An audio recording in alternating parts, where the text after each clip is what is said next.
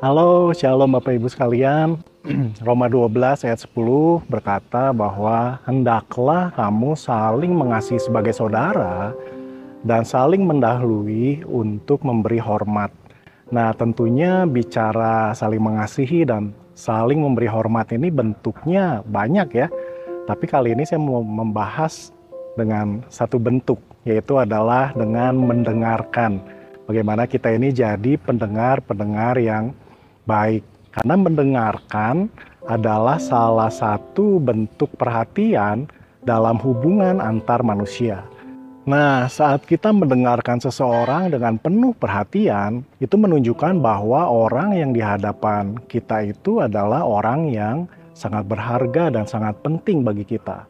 Oleh karena itu, yuk hari ini kita belajar untuk jadi pendengar yang baik. Ada benefitnya loh jadi pendengar yang baik. Yang pertama, mendengarkan itu membangun kepercayaan. Karena cara tercepat bagi dua orang untuk membangun kepercayaan adalah dengan mendengarkan dengan sepenuh hati.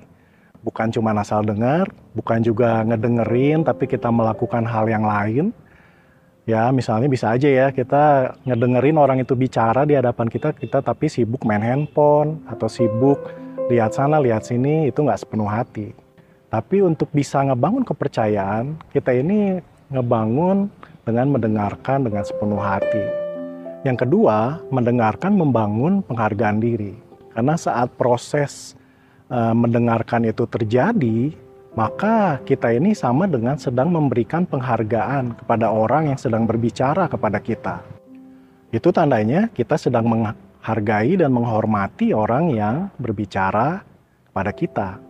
Yang ketiga, ternyata mendengarkan itu membangun disiplin diri.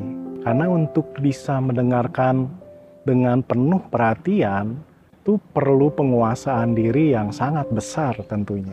Nah, dengan itu ketika kita uh, mendengarkan seseorang yang sedang berbicara kepada kita dengan sepenuh hati, kita ini sedang belajar bagaimana kita ini mendisiplinkan diri kita sebagai bentuk bahwa kita ini sedang uh, kasih hormat dan kasih penghargaan pada orang yang sedang berbicara uh, di hadapan kita.